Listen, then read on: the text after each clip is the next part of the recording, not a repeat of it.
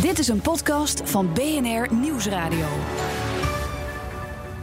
Wat het lastig kan maken is dat een uh, nalatenschap zeg maar, een onderdeel is van een groter geheel. Allerlei BV's, je zegt het net zelf, het is een ja. kluwe van BV's. En zo'n kerstboom aan BV's, ja, Kerstbomen kan ook. vaak. En als je dan puur zijn nalatenschap zou willen verdelen... dan kan dat wel eens heel ingewikkeld worden om dat te ontwarren. Dit is de Dooddoeners Podcast.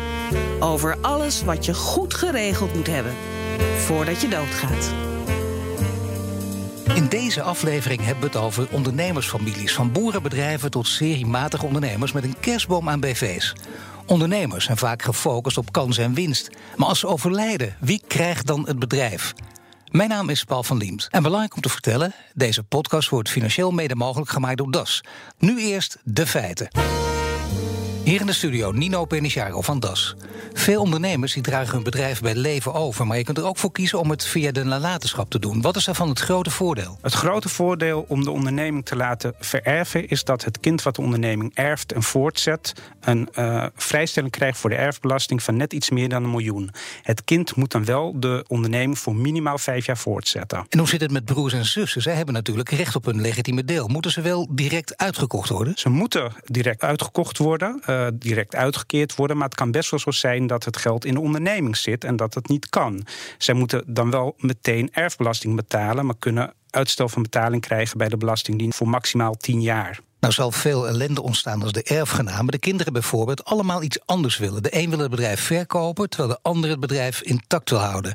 Wat kunnen ouders doen om ruzie te voorkomen? Als je de onderneming laat vererven, dan is het uh, goed om van tevoren te bedenken dat je iets over de zeggenschap regelt van de onderneming. Uh, ik zal twee voorbeelden noemen om dat te regelen. Je kan bijvoorbeeld een gouden aandeel creëren, uh, waarbij één kind meer zeggenschap krijgt dan het andere kind.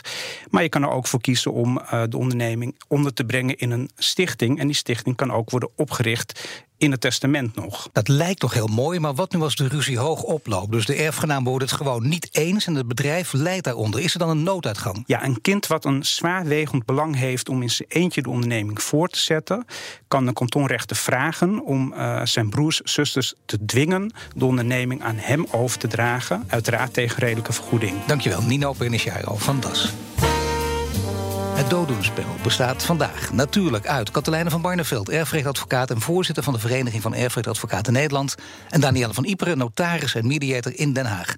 Katelijne, waar zit vaak het zeer bij de erfgenamen in een ondernemersfamilie? Nou, dat er vaak één van de kinderen uh, wel geschikt is om het bedrijf over te nemen, of daar al in zit zelfs, en de andere niet. Als ik denk aan een boerenbedrijf, de boerenzoon moest het overnemen, was niet geschikt. Die andere kinderen die stonden erbij en keken daarnaar.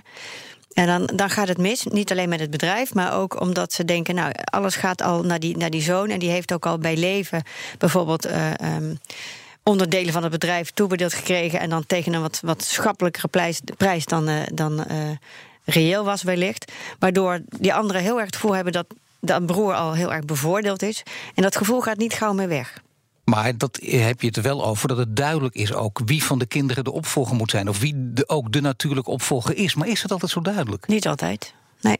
En wie bepaalt dat? Wie bepaalt ook dus wie het geld krijgt? Want een goed lopend bedrijf kan een cash cow zijn. Niet alleen in, in deze tijd, maar ook in de toekomst. Andere kinderen krijgen een geldbedrag, kan een bron van ruzie ja, worden. Nou, natuurlijk, de erflater bepaalt in eerste instantie wat er met zijn bedrijf gebeurt. Als hij het goed geregeld heeft, is dat heel duidelijk. Maar hebben jullie, het mee, hebben jullie het wel eens meegemaakt? Want je, je weet dat heel vaak natuurlijk in familiebedrijven... het, is heel erg, uh, het ligt heel gevoelig. Ik kan zeggen pijnlijk, maar gevoelig misschien nog een beter woord... om, om te kijken wie wel en niet geschikt is. Nou, ook daarvoor geldt dat je dat van tevoren het beste kunt bespreken... in het hele gezin.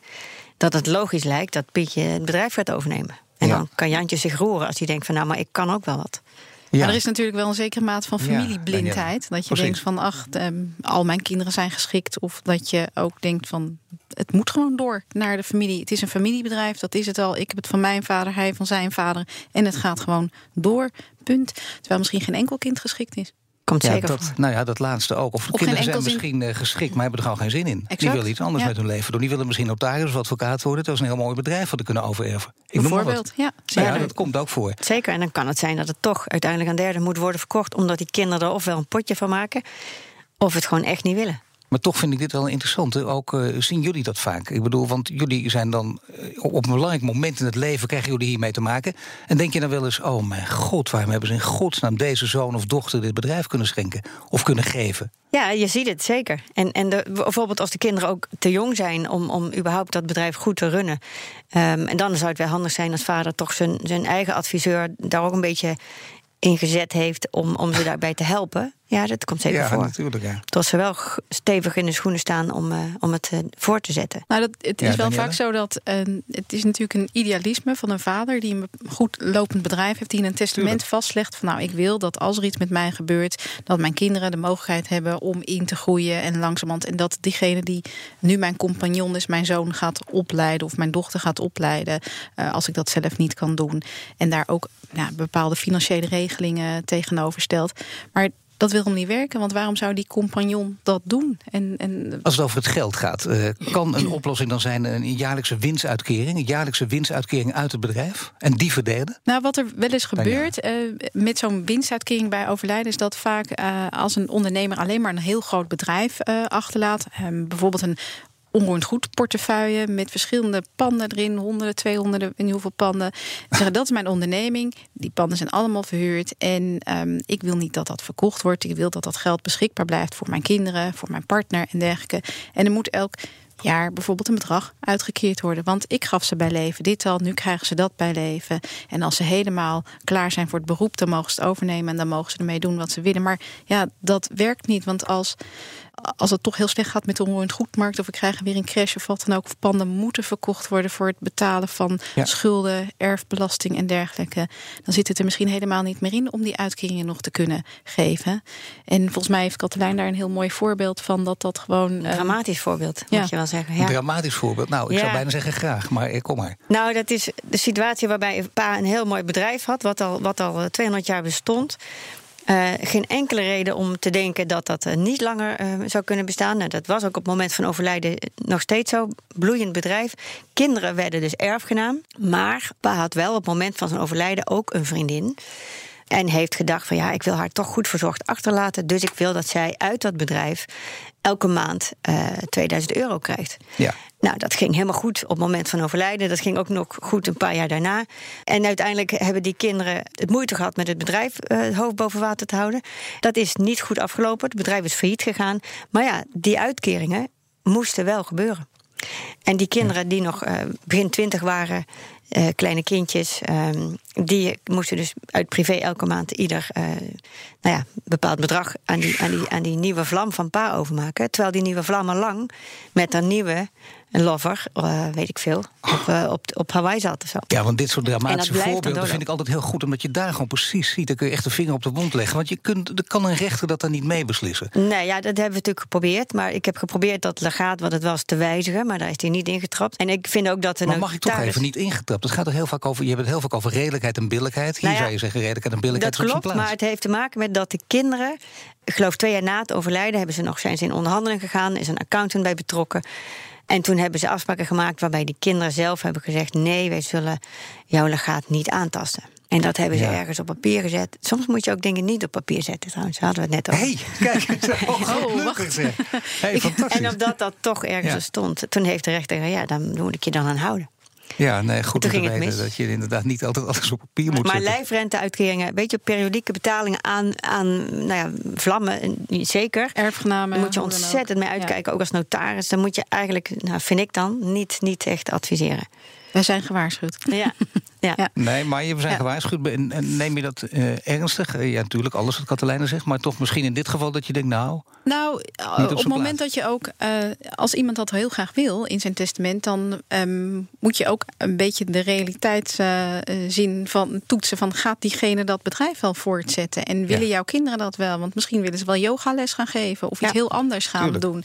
Dus dat zal wel echt besproken moeten worden. Of je moet het maximeren. En, dat is ook nog een goede optie oplossing. Ja, of dat je een noodscenario inbouwt. Moet je maximeren, hoe doe je dat dan? Nou ja, dat je niet tot in zijn juttemus 2000 euro moet blijven betalen. Dat, dat is wat die kinderen nou moeten doen. Ja, dat, zou, oh ja, dat is natuurlijk inderdaad de oplossing. En die kun je maximeren tot zes maanden zelfs. Nee, maar dat levert toch ook allerlei gedoe op? Dan moet je daar weer een hele discussie over hebben. Nou, dan kan je het afkopen. Maar in dit geval was afkopen ook geen optie meer. Nee. Maar je kunt wel, je kunt op het moment dat je, het, dat je zegt uh, dat iemand tot, tot aan het eind van haar leven. Weet je, die vader was dol op haar. Dus die heeft gedacht, ze moet altijd goed onder de pannen zijn. Maar ja, die had al lang weer een nieuwe man die voor haar zorgde. Dus dat was helemaal niet nodig. Maar ja. En, en Danielle, wat, wat is een noodscenario dan? Ja, met een noodscenario denk ik dan dat je zegt van nou, op het moment dat het voortgezet wordt en dat het niet verkocht moet worden, dus dat je er een soort uh, randvoorwaarden aan uh, verbindt, uh, waaronder die um, betalingen plaats kunnen vinden.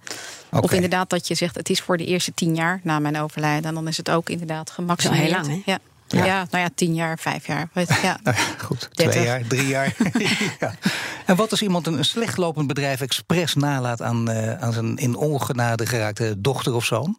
Ja, dat, dat, um, dat is echt wel heel flauw, zullen we dan maar zeggen. Maar dat heb ik wel eens een keer meegemaakt met een kind, uh, zeg maar zo'n no good for nothing, um, die wel op de zak van uh, vader teerde en werkte, maar niet kwam opdagen, maar wel gewoon op de, op de loonlijst uh, stond. Toen heeft die vader gezegd van nou weet je wat, ik trek het bedrijf bij leven uh, leeg en ik laat het lekker daarna aan hem na en uh, dan mag hij het lekker uitzoeken. En dat en was voor de zoon echt een, die had het totaal niet in de gaten. Nou die dacht ik krijg dat bedrijf, dat is mooi. Papa heeft aan mij gedacht en ik, uiteindelijk hield hij er wel wat aan over zeg maar, maar niet een goed lopend bedrijf zeg maar. Maar dit is dus bijna sadisme dit, of zou dit gewoon ingegeven kunnen zijn nou, door de notaris of de advocaat? Nou dit doet bijna denken aan het huisje in Siberië, toch? Ja, vertel het nog even. Het huis in Siberië, ja. Dat, ja, dat was, je, was dat het nou je, Timbuktu?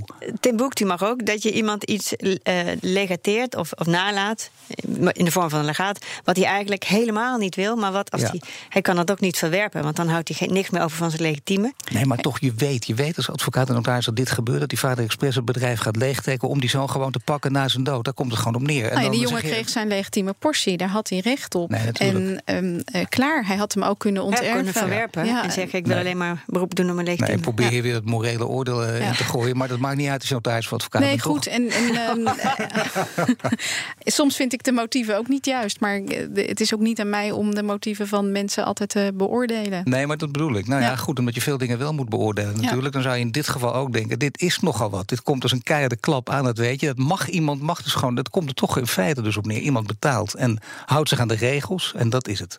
En dat is het, ja. En dat doet uh, de ministeriële ja, plicht, ja, bestaat, die doet er niet meer toe. Inderdaad, mocht het toch op procedures aankomen... dan heb je inderdaad toch altijd nog zoiets als de redelijkheid en de billijkheid. Maar en dan wij... de kinderen die het. Kijk, dat zie je bij ondernemersfamilies heel vaak. Dat weten alle luisteraars van BNR ook heel goed. De ouders willen heel graag dat kinderen het bedrijf overnemen. En dat begrijp je ook volledig. Maar ja, je hebt ook begrip voor de kinderen die het alle drie niet willen. Want die hebben een heel ander toekomstscenario in, in het hoofd. Dat kan natuurlijk. En wat dan? Als kinderen het echt niet willen overnemen. Ja, en die het is kinderen, per erfenis vastgelegd. Ja, nou ja, daarom is het, bij, is het eigenlijk niet de manier om uh, je bedrijf na te laten aan je kinderen uh, bij een testament. Uh, de ideale manier is om natuurlijk gewoon ruim voor je overlijden langzaam hand te beginnen aan een soort transitie, een overdracht van vermogen. Niet zo'n vette compliment-methode eigenlijk. Nee, nee. Ik, dit is wel heel heftig. Want stel dat je dus drie kinderen nalaat, waarvan één de ondernemer is, zeg maar, die het zou kunnen overnemen. Dan heeft ieder een emotioneel en materieel belang bij om die zaak voor te zetten. Die, ja. Want het is zijn zaak, hij vindt ja. het fijn. En de andere twee kinderen die helemaal geen gezin hebben in die zaak, die hebben alleen maar een financieel belang. Ja. Dus als je dat eigenlijk gaat doen op die manier, dan um, nou creëer je bij wijze van spreken eigenlijk de ruzie tussen je kinderen. Dus je hebt ook tegenstrijdige belangen onderling. Ja. ja. En uh, kijk, ook als je zegt van uh, mijn drie kinderen krijgen alle drie een gelijk deel van uh, de onderneming.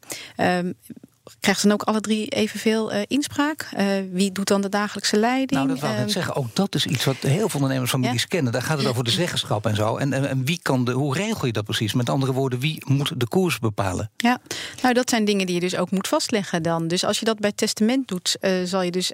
Ja, daar, daar leent zo'n testament zich eigenlijk niet voor.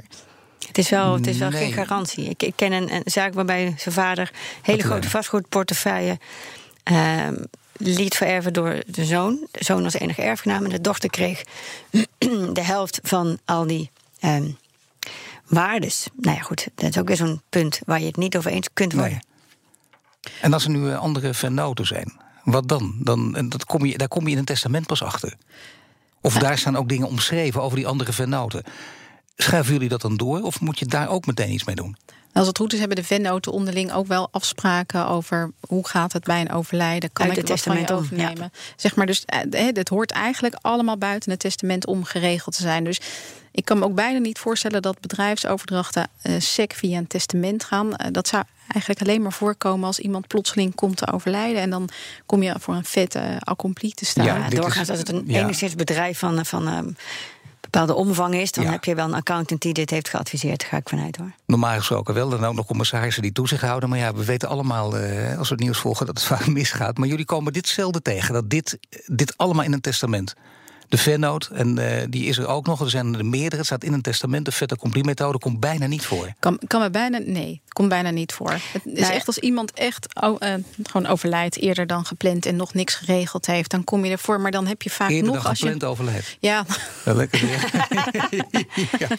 Nou, ik ben uh, helaas eerder dan gepland overleden. Nee, maar ja. dat is nee, ik begrijp en wat, wat het lastig kan maken is dat een nalatenschap zeg maar een onderdeel is van een groter geheel. Allerlei BV's. Je zegt het net zelf. Het is een ja een kluwen van BV's. Ja, zo'n kerstboom aan BV's. Ja, Kerstbomen dat kan ook vaak. kluwen. En dan, en dan is er nalatenschap bijvoorbeeld een paar had bepaalde onderdelen. Bijvoorbeeld de helft van de aandelen in BVA en, en nog de helft van de aandelen in BVB. Maar dan zit hij dus voor de helft vast aan een zoon en, en die andere aan een andere zoon. En als je dan puur zijn nalatenschap zou willen verdelen, dan kan dat wel eens heel ingewikkeld worden om dat te ontwarren.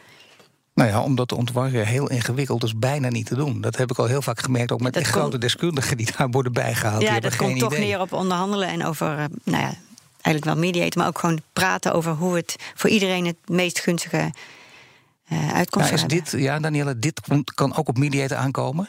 Dit kan zeker ook op mediator aankomen. Ook als er een andere vennootschap is en die jouw zoon of dochter helemaal niet uh, ziet ja. zitten. Um, om het bedrijf voor te zetten en die zeg maar altijd jouw tweede persoon was. Nou, dat he, samenwerken is een soort uh, huwelijk samen een bedrijf leiden. Dus dat moet je wel willen, zeg maar. Dus, um... Ja, nee, dat is heel mooi omschreven, want daar komt het vaak op neer. Ja. Ik dank jullie. Danielle van Ieper, notaris en mediator in Den Haag... en Katelijne van Barneveld, erfrechtadvocaat... en voorzitter van de Vereniging van Erfrechtadvocaten Nederland. Benjamin Franklin, die zei ooit... op deze wereld is niets zeker behalve de dood en de belastingen. In de volgende aflevering van Dooddoeners bespreken we... hoe je ervoor kunt zorgen dat er zo min mogelijk naar de fiscus gaat.